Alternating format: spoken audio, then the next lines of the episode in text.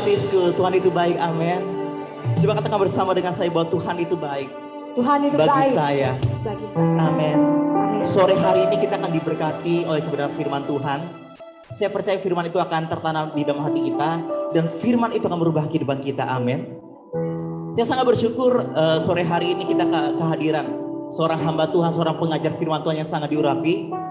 Beliau adalah orang tua rohani saya, mentor saya, pengajar saya, dan bersyukur di, di tengah pandemi ini kita bisa eh, online juga. Saat ini beliau ada di Singapura, tapi saya percaya bahwa hadirat Tuhan, pengurapan Tuhan, kuasa Tuhan tidak dibatasi dengan ruang dan waktu. Amin. Buka hati saudara untuk eh, firman Tuhan bisa ditaburkan sore hari ini dan buat teman-teman yang ada di Jakarta, ada di Medan juga saya dengar Rema di Medan dan ada di Manado. Hai Manado, apa kabar? Orang Samoba saudara. Amin. Puji Tuhan. Nantikanlah firman Tuhan dan terimalah mujizat kesembuhan sore hari ini dan tidak eh, banyak buang, buang waktu saya akan eh, persilahkan mari kita sambut eh, pembicara kita sore hari ini Pastor Andrew Kanoko. Mari silakan Pak Andrew. Haleluya, puji Tuhan. Puji Tuhan. Tuhan baik. Terima kasih Pastor Alan yang telah mengundang saya untuk menyampaikan firman kepada gereja New Identity Church. Saya merasakan hadirat Roh Kudus di tengah-tengah kami. Haleluya. Ia sudah hadir dan dia akan menyatakan kuasanya kepada setiap orang yang haus dan lapar akan dia. Haleluya, puji Tuhan. Saudara, mari kita buka bersama di Markus pasal yang kelima. Kita akan melihat sebuah cerita di sana mengenai seorang perempuan yang sakit pendarahan. Markus pasal yang kelima ayat 24 sampai 30 25 sampai 34. Markus pasal yang kelima ayat 25 sampai 34. Nah, saya percaya pada saat firman disampaikan kalau hati kita menerima, pada saat itulah mujizat akan terjadi. Haleluya. Nah, perhatikan di sini firman Allah mengatakan adalah di situ seorang perempuan yang sudah 12 tahun lamanya menderita pendarahan. Ia telah berulang-ulang diobati oleh berbagai tabib sehingga telah dihabiskannya semua yang ada padanya, namun sama sekali tidak ada faedahnya. Malah sebaliknya keadaannya makin memburuk. Nah, perhatikan ayat 27. Dia sudah mendengar berita-berita tentang Yesus, maka di tengah-tengah orang banyak itu ia mendekati Yesus dari belakang dan menjama jubahnya, sebab katanya, asalku jama saja jubahnya, aku akan sembuh. Seketika itu juga berhentilah pendarahannya, dan ia merasa bahwa badannya sudah sembuh dari penyakitnya. Pada ketika itu juga Yesus mengetahui bahwa ada tenaga yang keluar dari dirinya, lalu ia berpaling di tengah orang banyak itu dan bertanya, "Siapa yang menjamah jubahku?" Murid-muridnya menjawab, "Engkau melihat Bagaimana orang-orang ini berdesak-desakan dekatmu dan engkau bertanya, siapa yang menjamah aku? Lalu ia memandang sekelilingnya untuk melihat siapa yang telah melakukan hal itu. Perempuan itu yang menjadi takut dan gemetar ketika mengetahui dan telah terjadi apa yang telah terjadi atas dirinya tampil dan tersungkur di depan Yesus dan dengan tulus memberitahukan segala sesuatu kepadanya. Maka katanya kepada perempuan itu, Hai anakku, imanmu telah menyelamatkan engkau. Pergilah dengan selamat dan sembuhlah dari penyakitmu. Haleluya. Saudara di perikop ini kita membaca sebuah cerita mengenai seorang perempuan dalam kondisi yang tidak berdaya. 12 tahun lamanya menderita. Berulang kali diobati. oleh berbagai tabib sehingga semua hartanya habis namun sama sekali tidak berguna. Keadaannya makin memburuk. Nah, saya mengajak saudara hari ini membayangkan kekecewaan yang dialaminya. Sudah berusaha, sudah diusahakan, namun kondisinya tidak membaik, malah makin memburuk. Perempuan ini sudah cukup lama menderita. Sudah berulang kali diobati. Dia sudah menghabiskan uangnya. Namun keadaannya makin memburuk. Perempuan ini sudah cukup lama kecewa. Tetapi sesuatu terjadi kepada dirinya pada suatu hari. Nah, perhatikan ayat 27 lagi di sana. Markus 5, 27. Dia sudah mendengar berita-berita tentang Yesus. Maka di tengah-tengah orang banyak itu, ia mendekati Yesus dari belakang dan menjamah jubahnya. Sebab katanya, asalku jamah saja jubahnya, aku akan sembuh. Saudara perempuan ini ada dalam kondisi yang makin memburuk, sudah cukup lama kecewa, dan pada suatu hari semuanya itu mulai berubah baginya. Haleluya. Pada hari apa? Pada hari dia mendengar, katakan mendengar. Pada hari dia mendengar, haleluya. Mendengar apa? Berita-berita tentang Yesus. Nah, pada saat itu Yesus sudah dikenal sebagai penyembuh yang penuh dengan belas kasihan berita tentang dia bahwa dia menyembuhkan segala penyakit dan kelemahan di antara banyak orang tersebar di mana-mana. Misalnya di Markus pasal yang pertama. Kita membaca Yesus menyembuhkan ibu mertua Petrus. Juga di Markus pasal yang pertama kita membaca Yesus menyembuhkan semua orang yang sakit dan kerasukan setan yang dibawa kepadanya. Haleluya. Juga di pasal yang sama kita membaca ada seorang yang sakit kusta datang kepada Yesus dan menerima kesembuhan.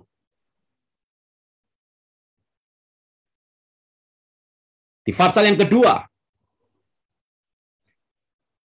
kita membaca Yesus menyembuhkan seorang yang lumpuh di Kapernaum. Di pasal yang ketiga, kita diberitahu bahwa Yesus menyembuhkan seorang yang mati sebelah tangannya pada hari Sabat. Di samping itu banyak orang sakit yang datang kepadanya dari berbagai tempat untuk disembuhkan Tuhan. Juga di pasal yang sama, pasal yang ketiga. Kita melihat Yesus mengutus ke-12 muridnya untuk memberitakan Injil. Menyembuhkan yang sakit dan mengusir setan-setan. Haleluya.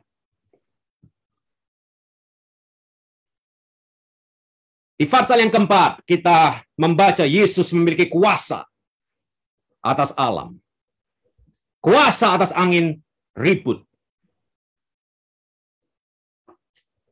Di permulaan pasal yang kelima,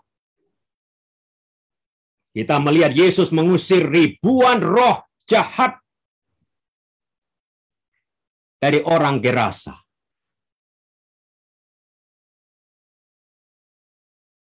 Sebagian dari berita-berita tentang Yesus ini, haleluya, sudah pasti sampai ke telinga perempuan ini.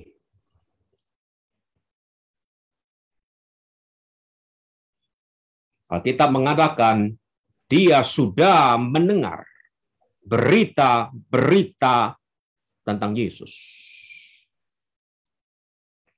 Yang ini saya yang ingin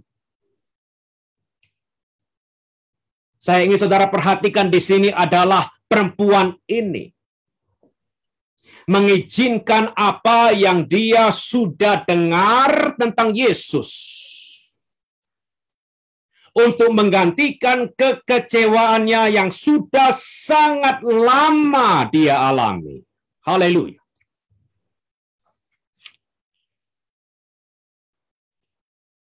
Dia sudah mendengar berita-berita tentang Yesus.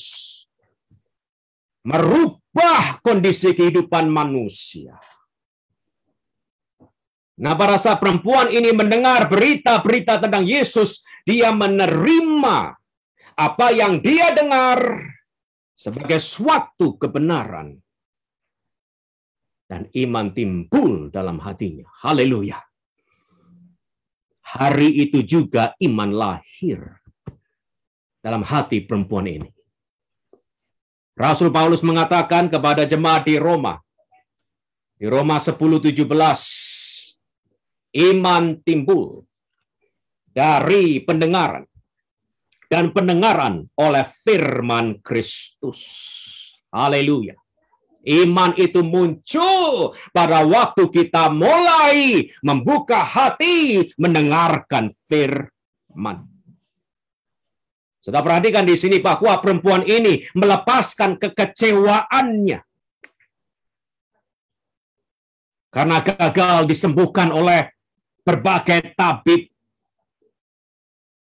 Karena sudah menghabiskan hartanya namun keadaannya makin memburuk perempuan ini melepaskan kekecewaannya dan mengizinkan iman untuk timbul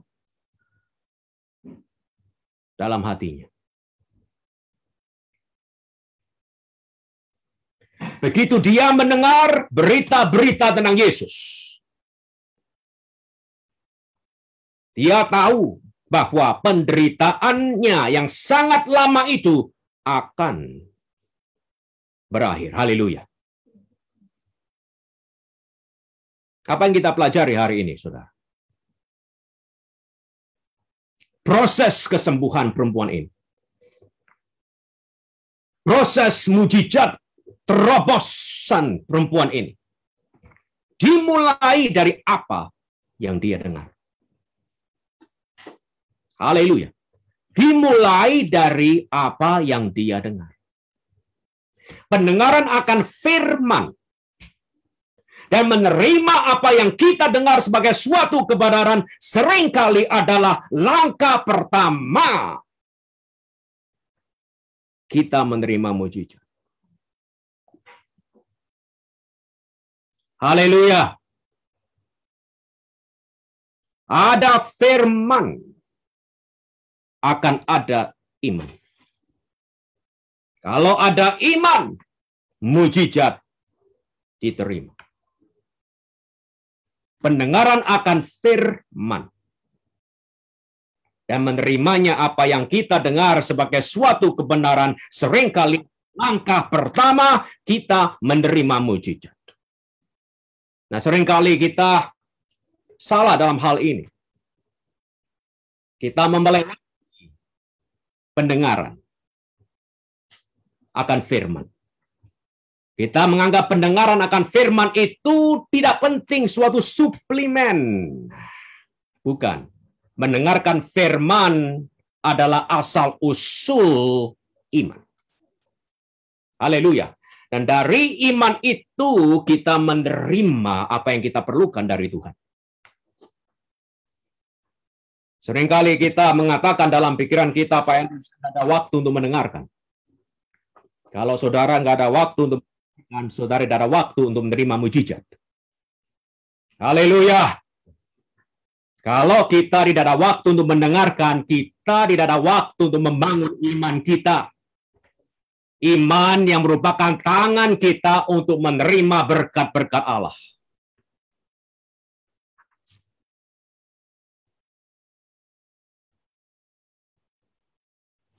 Proses kesembuhan perempuan ini, proses kesembuhan saudara, proses terobosan mujizat yang saudara perlukan hari ini dimulai dari apa yang saudara dengar. Haleluya. Nah, saya berdoa, Roh Kudus akan menyampaikan firman-Nya kepada setiap hati yang mendengarkan saya. Biarlah iman itu bangkit dalam roh kita masing-masing dan pada hari ini juga kita menerima kesembuhan. Hari ini juga kita menerima terobosan. Hari ini juga kita mengalami mujizat. Haleluya. Pada saat firman disampaikan. Saudara, kadang-kadang sangatlah mudah bagi kita, sangatlah natural bagi kita untuk berpegang kepada kekecewaan kita. Saya tidak tahu persis apa yang saudara alami. Mungkin kondisi saudara mirip dengan kondisi perempuan ini. Sudah lama berusaha, sudah lama diusahakan, sudah melakukan ini dan itu. Kondisi tidak membaik, malah memburuk. Jadi bagaimana sekarang Tuhan? Kita bisa belajar bagaimana perempuan ini menerima kesembuhan dari Yesus. Di Markus pasal yang kelima.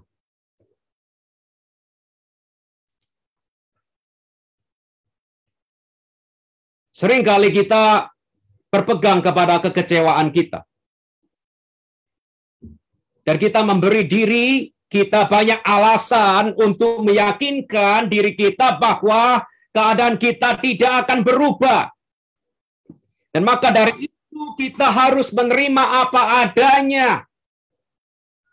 Saudara tahu bahwa pemikiran seperti itu adalah pemikiran yang salah. Karena saya sudah lama kecewa, maka dari itu saya harus menerima kondisi saya. Pemikiran seperti itu membatasi kuasa Roh Kudus. Membatasi apa yang Dia mau lakukan, haleluya, dalam kehidupan kita dan melalui kehidupan kita, haleluya. Kenapa harus membatasi Allah yang tidak terbatas?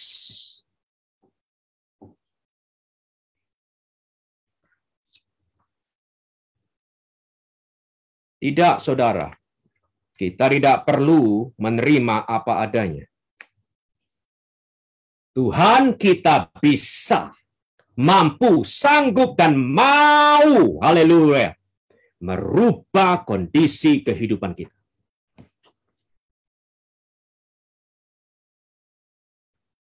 Pada hari itu, pada saat perempuan ini mendengar berita-berita tentang Yesus, Perempuan ini membuat suatu pilihan untuk melepaskan kekecewaannya, untuk melepaskan frustrasinya, untuk melepaskan mungkin sakit hatinya, dan membuka hati kepada Roh Kudus untuk menanamkan iman dalam hatinya untuk disembuhkan. Saya mengajak hari ini setiap saudara, lepaskan kekecewaanmu, buka rohmu kepada Roh Kudus. Haleluya. Katakan kepada dia, Roh Kudus berbicaralah kepadaku. Berikan kepada kepadaku benih janjimu Aku akan terima benih janji itu dan iman akan timbul dalam hatiku dan kondisiku akan berubah. Haleluya.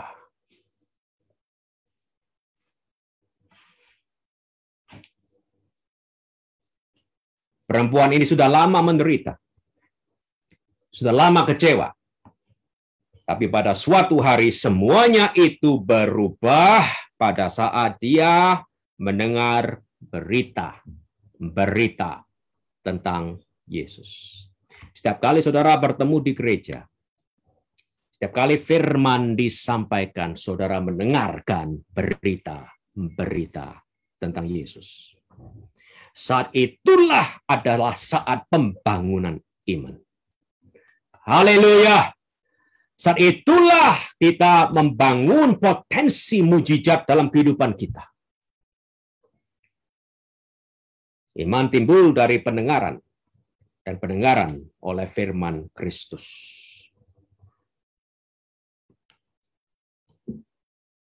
Perempuan ini mengalami kesembuhan yang dimulai pada hari di mana dia mulai mendengar berita-berita tentang Yesus. Nah, perhatikan lagi ayat 27 sampai 34 di sana. Terima kasih Roh Kudus. Dia sedang berbicara kepada kita saat ini. Terima kasih Roh Kudus. Berbicaralah kepada setiap anak Allah. Perhatikan lagi ayat 27. Tentang perempuan ini. Dia sudah mendengar berita-berita tentang Yesus maka di tengah-tengah orang banyak itu ia mendekati Yesus dari belakang dan menjamah jubahnya. Sebab katanya asal ku jamah saja jubahnya aku akan sembuh. Seketika itu juga berhentilah pendarahannya dan ia merasa bahwa badannya sudah sembuh dari penyakitnya. Pada ketika itu juga Yesus mengetahui bahwa ada tenaga yang keluar dari dirinya. Lalu ia berpaling tengah-tengah orang banyak dan bertanya, siapa yang menjama jubahku? Murid-muridnya menjawab, engkau melihat banyak Bagaimana orang-orang ini berdesak-desakan dekatmu dan engkau bertanya siapa yang menjama aku? Lalu ia memandang sekelilingnya untuk melihat siapa yang telah melakukan hal itu. Perempuan itu yang menjadi takut dan gemetar ketika mengetahui apa yang telah terjadi atas dirinya tampil dan tersungkur di depan Yesus dengan tulus memberitahukan segala sesuatu kepadanya. Nah, perhatikan ayat ke-34 di sana. Maka katanya, kata Tuhan kepada perempuan itu, Hai anakku, imanmu telah menyelamatkan engkau. Pergilah dengan selamat dan sembuhlah dari penyakitmu. Saudara, kalau kita membaca ayat-ayat ini, kita akan melihat bahwa perempuan ini mengekspresikan, katakan mengekspresikan, Perempuan ini mengekspresikan imannya melalui tindakan dan perkataan. Tindakan dan perkataan. Kalau kita membaca Imamat 15, kita bisa mengerti bahwa hukum Taurat menganggap perempuan yang sakit pendarahan itu najis secara seremonial. Apa pun dan siapa pun yang menyentuh perempuan ini akan menjadi najis. Apa pun dan siapa pun yang perempuan ini sentuh akan menjadi najis. Perempuan seperti ini harus tinggal di rumah. Tidak boleh bertemu, membaur dengan masyarakat, Inilah yang diharapkan atas perempuan ini. Kalau dia tidak menurut, maka dia akan dihukum oleh para ahli agama. Ayo perhatikan di sini. Pada saat iman timbul dalam hatinya, perempuan ini mengekspresikan imannya. Haleluya. Bagaimana? Dengan datang mendekati Yesus. Datang mendekati Yesus di tengah-tengah orang banyak itu.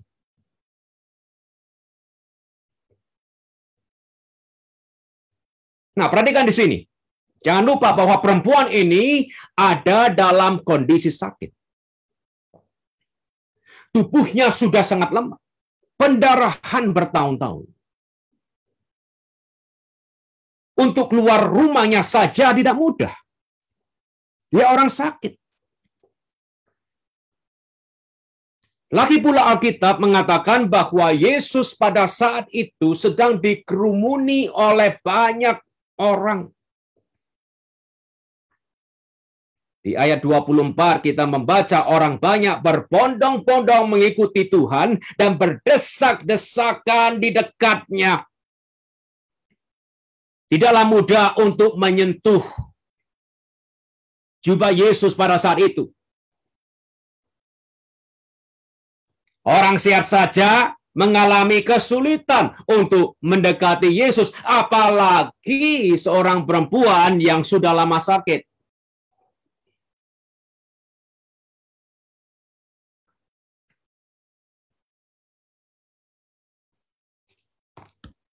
Tapi cerita ini tidak berbicara hanya tentang seorang perempuan yang sudah lama sakit. Cerita ini juga berbicara tentang iman timbul dalam hati perempuan ini. Dan akhirnya kita membaca bahwa perempuan ini keluar dari zona amannya. Haleluya. Dalam kondisi yang sakit dan lemah.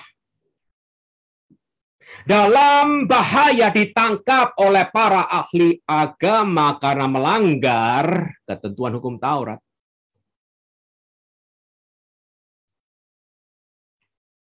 Dan perempuan ini terus menerobos banyak orang yang berdesak-desakan di dekat Yesus untuk menjamah jubahnya. Apa yang kita pelajari di sini? Iman itu lebih dari teori yang kita hafalkan.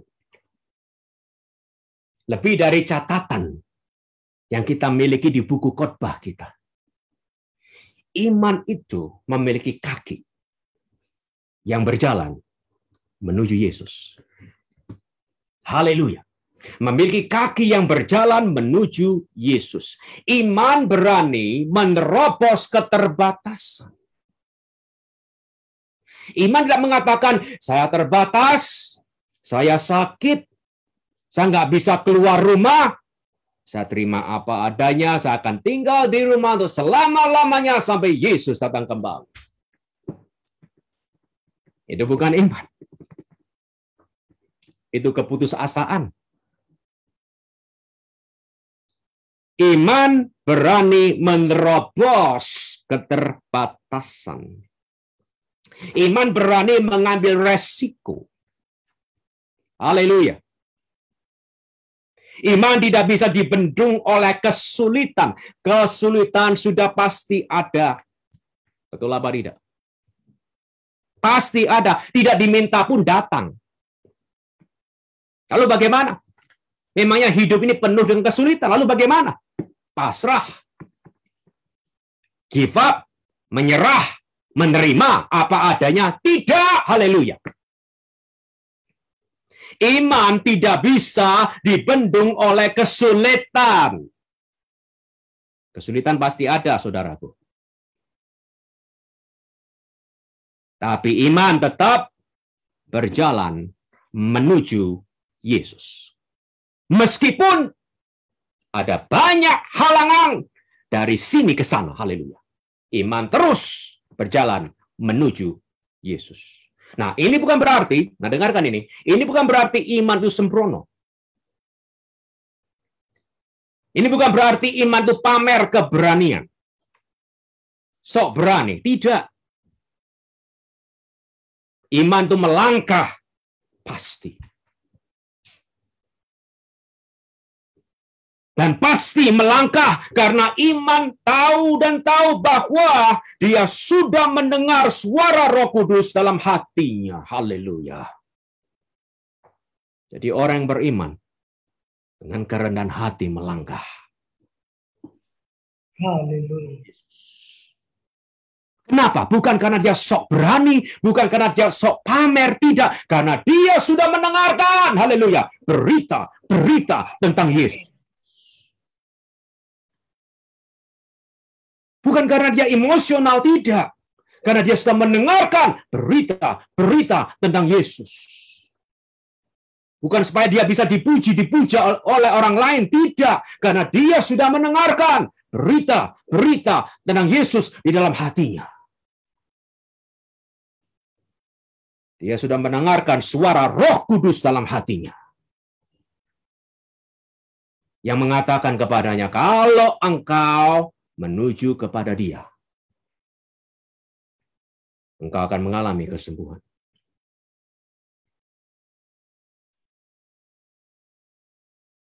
Jadi keterbatasan pasti ada. Kesulitan pasti ada. Resiko pasti ada. Tapi iman tidak bisa dibendung oleh semuanya itu. Haleluya.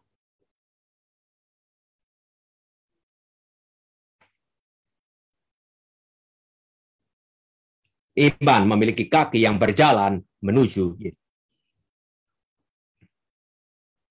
Saya memberi semangat kepada saudara hari ini yang mendengarkan suara saya di sini. Semoga yang saudara dengar bukan suara saya, tapi suara Roh Kudus berbicara kepada hati saudara masing-masing. Siapa sih yang tidak mengalami kesulitan? Siapa sih yang tidak mengalami keterbatasan, kekurangan? Dalam diri kita sendiri kita lemah. Tapi kita tidak pernah sendiri. Haleluya. Amin. Kita anak-anak Allah. Allah adalah Bapa kita. Haleluya. Kita adalah anak-anaknya. Kita termasuk keluarga yang paling besar, paling kuat, paling kaya di dunia ini. Keluarga Allah. The family of God.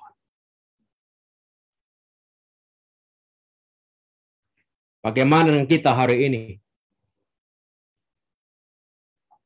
Sudahkah kita mendengarkan suara Roh Kudus berbicara kepada kita sehingga kita seperti perempuan yang mengatakan ya ada resiko, ya ada keterbatasan, ya mungkin saya sakit tetapi aku melangkah pasti. Pasti melangkah menuju Yesus.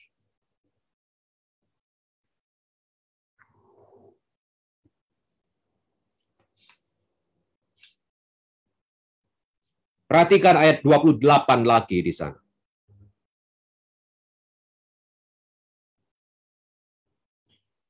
Sebab katanya, ayat 28, Asal bujama saja jubahnya, aku akan sembuh.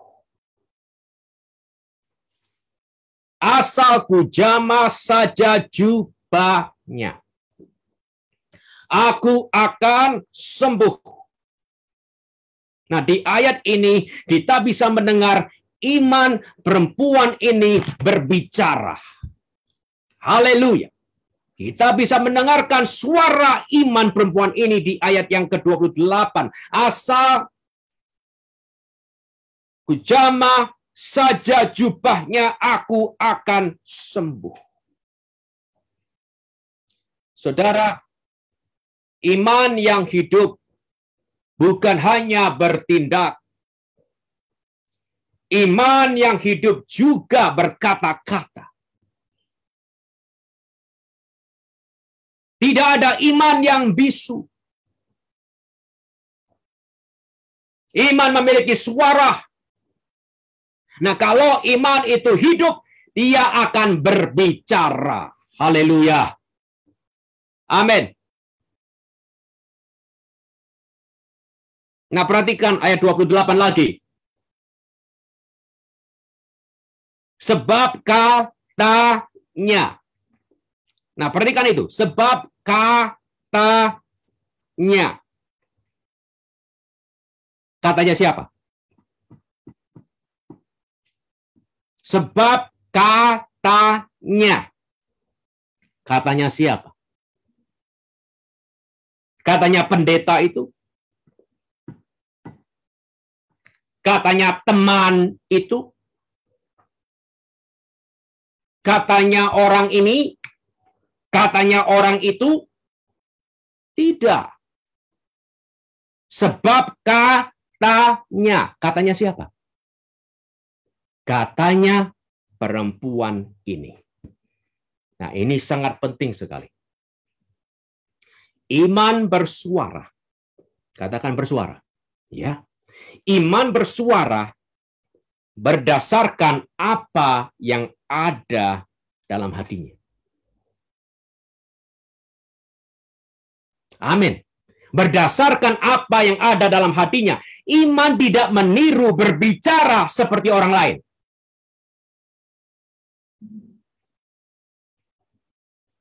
Iman tidak mencoba bersuara seperti pendeta yang kita kagumi. Haleluya. Iman berkata-kata berdasarkan apa yang kita sendiri imani dalam hati kita. Jadi iman tidak mengatakan kata pendeta ini aku sembuh. Kata orang itu aku diberkati.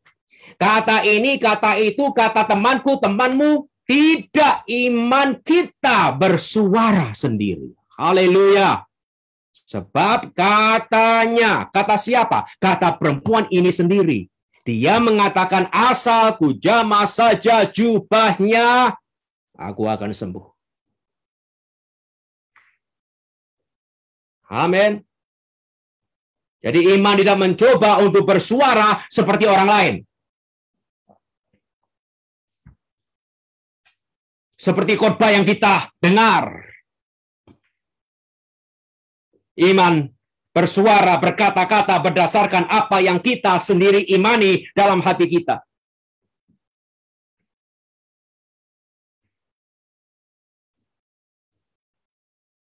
Nah, perhatikan ayat 28 lagi di sana. Sebab katanya, katanya, kata perempuan ini, asal ku jamah saja jubahnya, aku akan sembuh.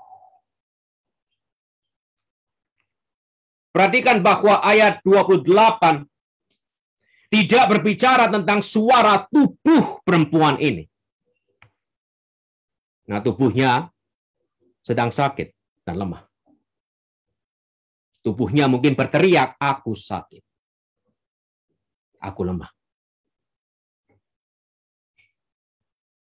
Ayat 28 tidak berbicara tentang suara tubuh perempuan ini. Ayat 28 juga tidak berbicara tentang suara perasaan perempuan ini. Ya karena tubuhnya sakit dan lemah perasaannya pasti juga menderita saat ini.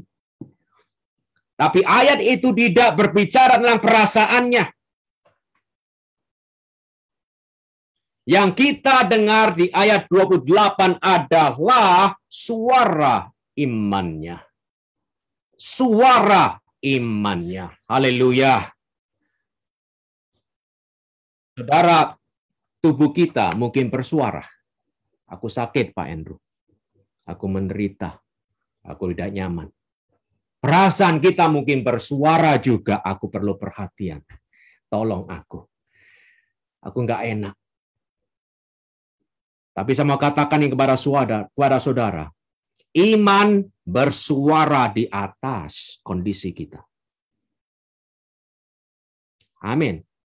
Iman bersuara di atas kondisi kita. Nah, iman tidak pernah menyangkal kondisi kita, ya. Iman tidak pernah menyangkal, oh nggak apa-apa, semuanya oke. Iman tidak membuat kita bohong tentang kondisi kita, tidak. Iman mengakui adanya masalah. Iman mengakui kondisi kita. Tapi iman bersuara di atas kondisi kita. Amin. Jadi keadaan mungkin tidak baik. Tetapi iman saudara mengatakan Tuhan itu baik. Haleluya. Kondisi mungkin tidak baik. Tapi saya katakan berdasarkan iman kepada firman-Nya, dia tetap baik. Dan dia akan menjadikan segala sesuatunya baik pada waktunya. Haleluya. Kondisi tubuh mungkin tidak baik, mungkin sakit saat ini. Tapi iman mengatakan oleh bilur-bilurnya, aku telah disembuhkan. Kondisi ekonomi mungkin kurang baik saat ini, tetapi iman kita kepada firman yang mengatakan, Tuhan engkau mensuplai segala keperluanku. Menurut kekayaanmu dalam Kristus Yesus, engkau tetap Yehova Jireh bagiku. Haleluya. Iman bersuara di atas kondisi kita.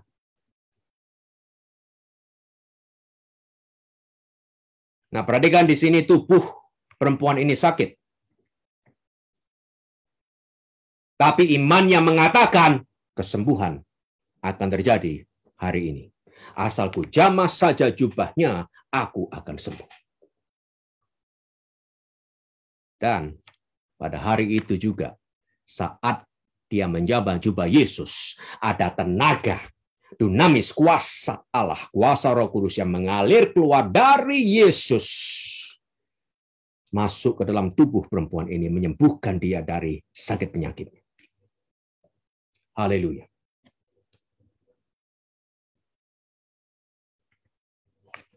Seringkali kita bisa tahu kondisi iman kita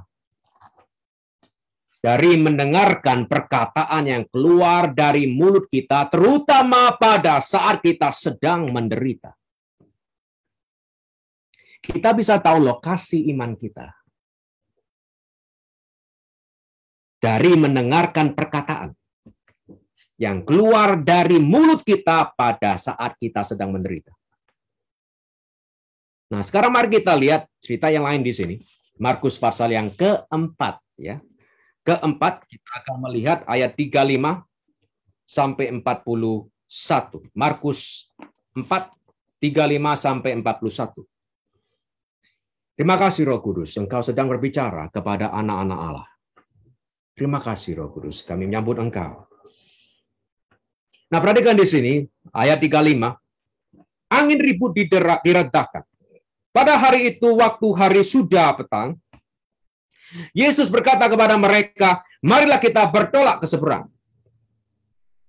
Mereka meninggalkan orang banyak itu lalu bertolak dan membawa Yesus beserta dengan mereka dalam perahu di mana Yesus telah duduk dan perahu-perahu lain juga menyertai dia. Nah, lalu mengamuklah taufan yang sangat dahsyat Ombak menyembur masuk ke dalam perahu sehingga perahu itu mulai penuh dengan air. Pada waktu itu Yesus sedang tidur di puritan di sebuah tilam, maka murid-muridnya membangunkan dia dan berkata kepadanya, perhatikan apa yang mereka katakan kepada Tuhan, Guru, engkau tidak peduli kalau kita binasa?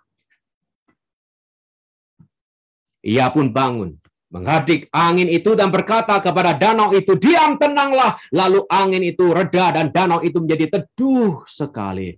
Lalu ia berkata kepada mereka, mengapa kamu begitu takut? Mengapa kamu tidak percaya? Mereka menjadi sangat takut dan berkata seorang kepada yang lain, siapa gerangan orang ini sehingga angin dan danau pun taat kepadanya.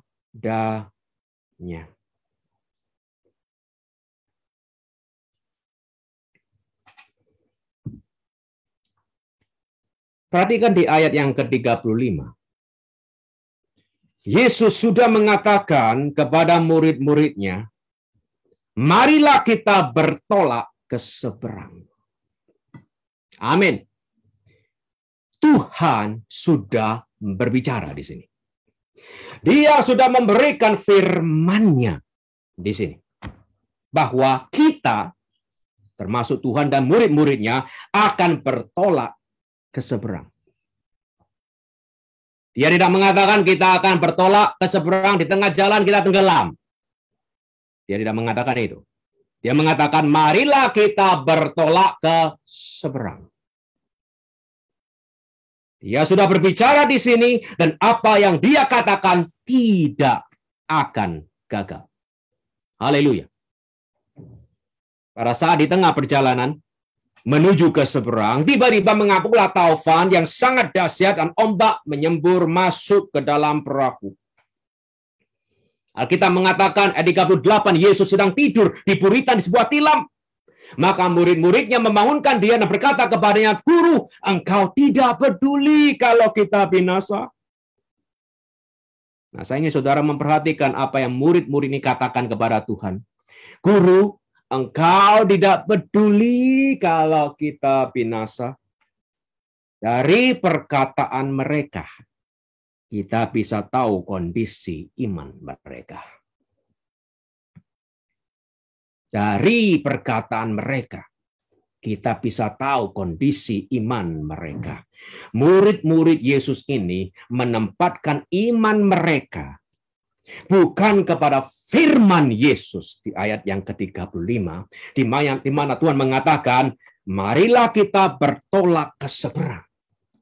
Tapi murid-murid ini meletakkan imannya kepada kuasa tahu yang bisa membinasakan.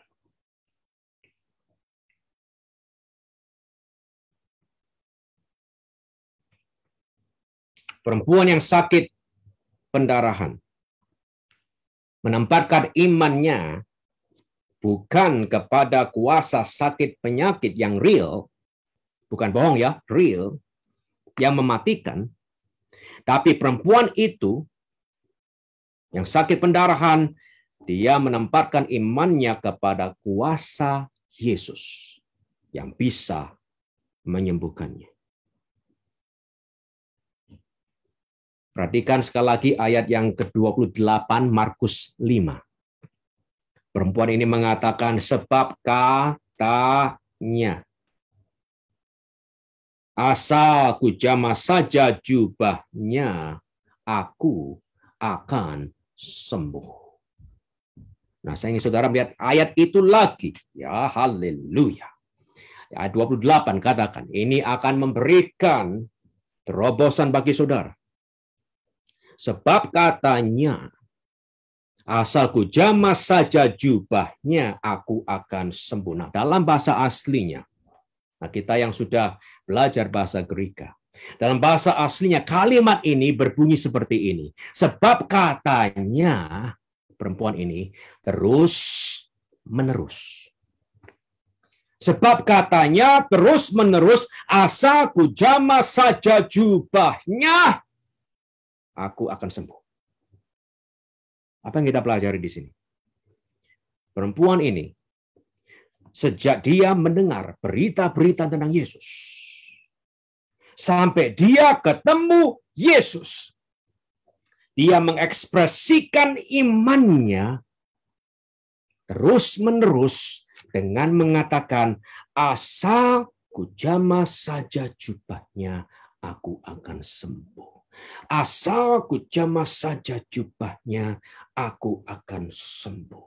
Asal ku jamah saja jubahnya, aku akan sembuh. Dia mengatakan, mengekspresikan imannya itu terus menerus sejak dia meninggalkan rumahnya sampai dia ketemu Yesus tengah-tengah orang banyak itu. Dia tetap mengekspresikan imannya melalui perkataannya. Asal ku jamah saja jubahnya, aku akan sembuh.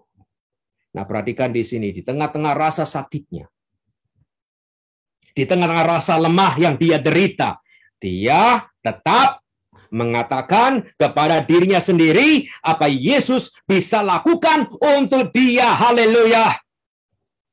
Sangat berbeda dari kebanyakan orang-orang Kristen.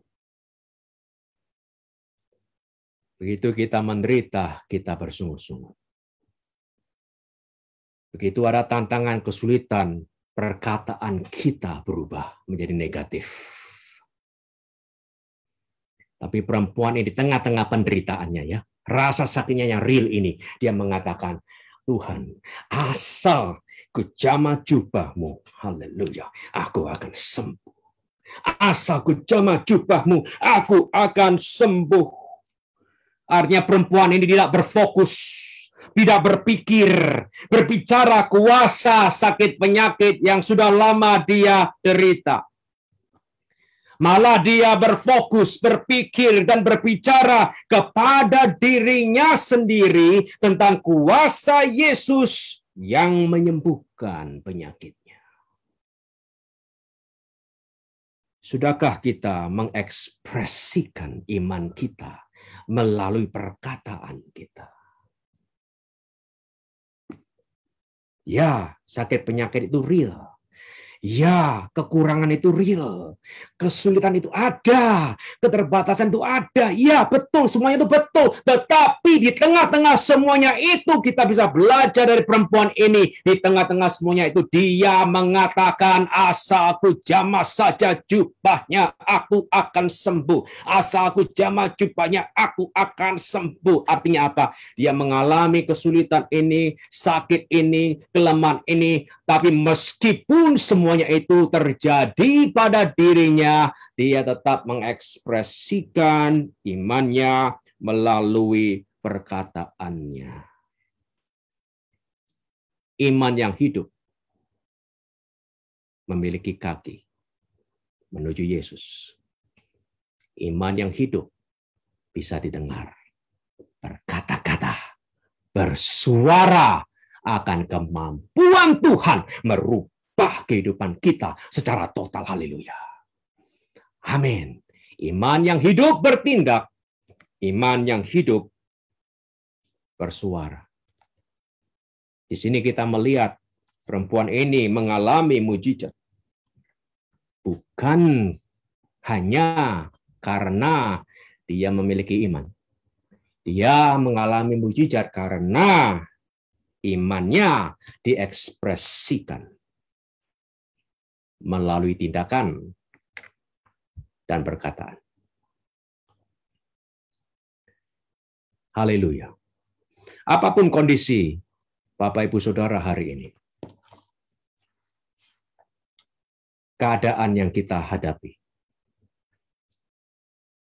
sungguh keadaan tidak menentu saat-saat ini.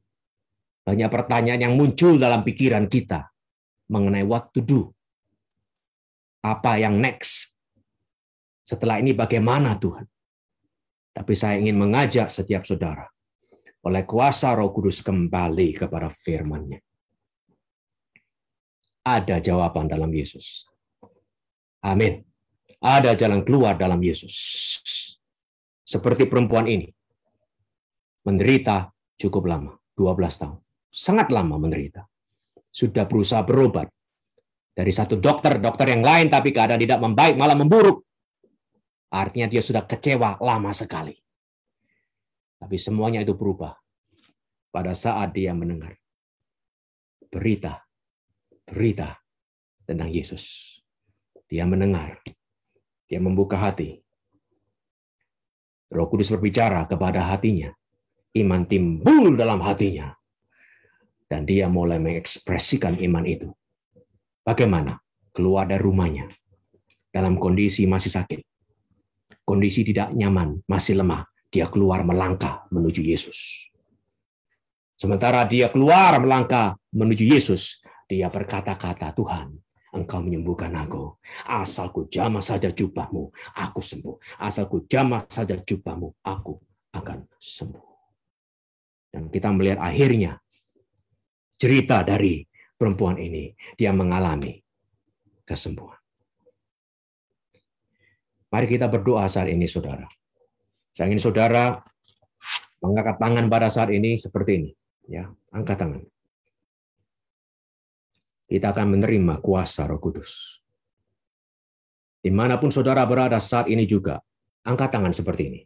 Seakan-akan saudara menerima. Memangnya saudara menerima. Tuhan ada di sana, betul apa tidak? Tuhan sudah ada di sana. Tuhan ada di sini juga di Singapura. Dia ada di mana-mana. Mari kita terima. Angkat tangan seperti ini. Ya. Hati terbuka. Hati penuh dengan ekspektasi. Terima kasih. Haleluya. Roh Kudus, kami nyambut Engkau. Kami nyambut Engkau sekarang. Nyatakan kuasamu. Atas kehidupan setiap anakmu di mana pun mereka berada, apa pun kondisi yang mereka alami, nyatakan kuasamu. Kami terima dari engkau, Roh Kudus.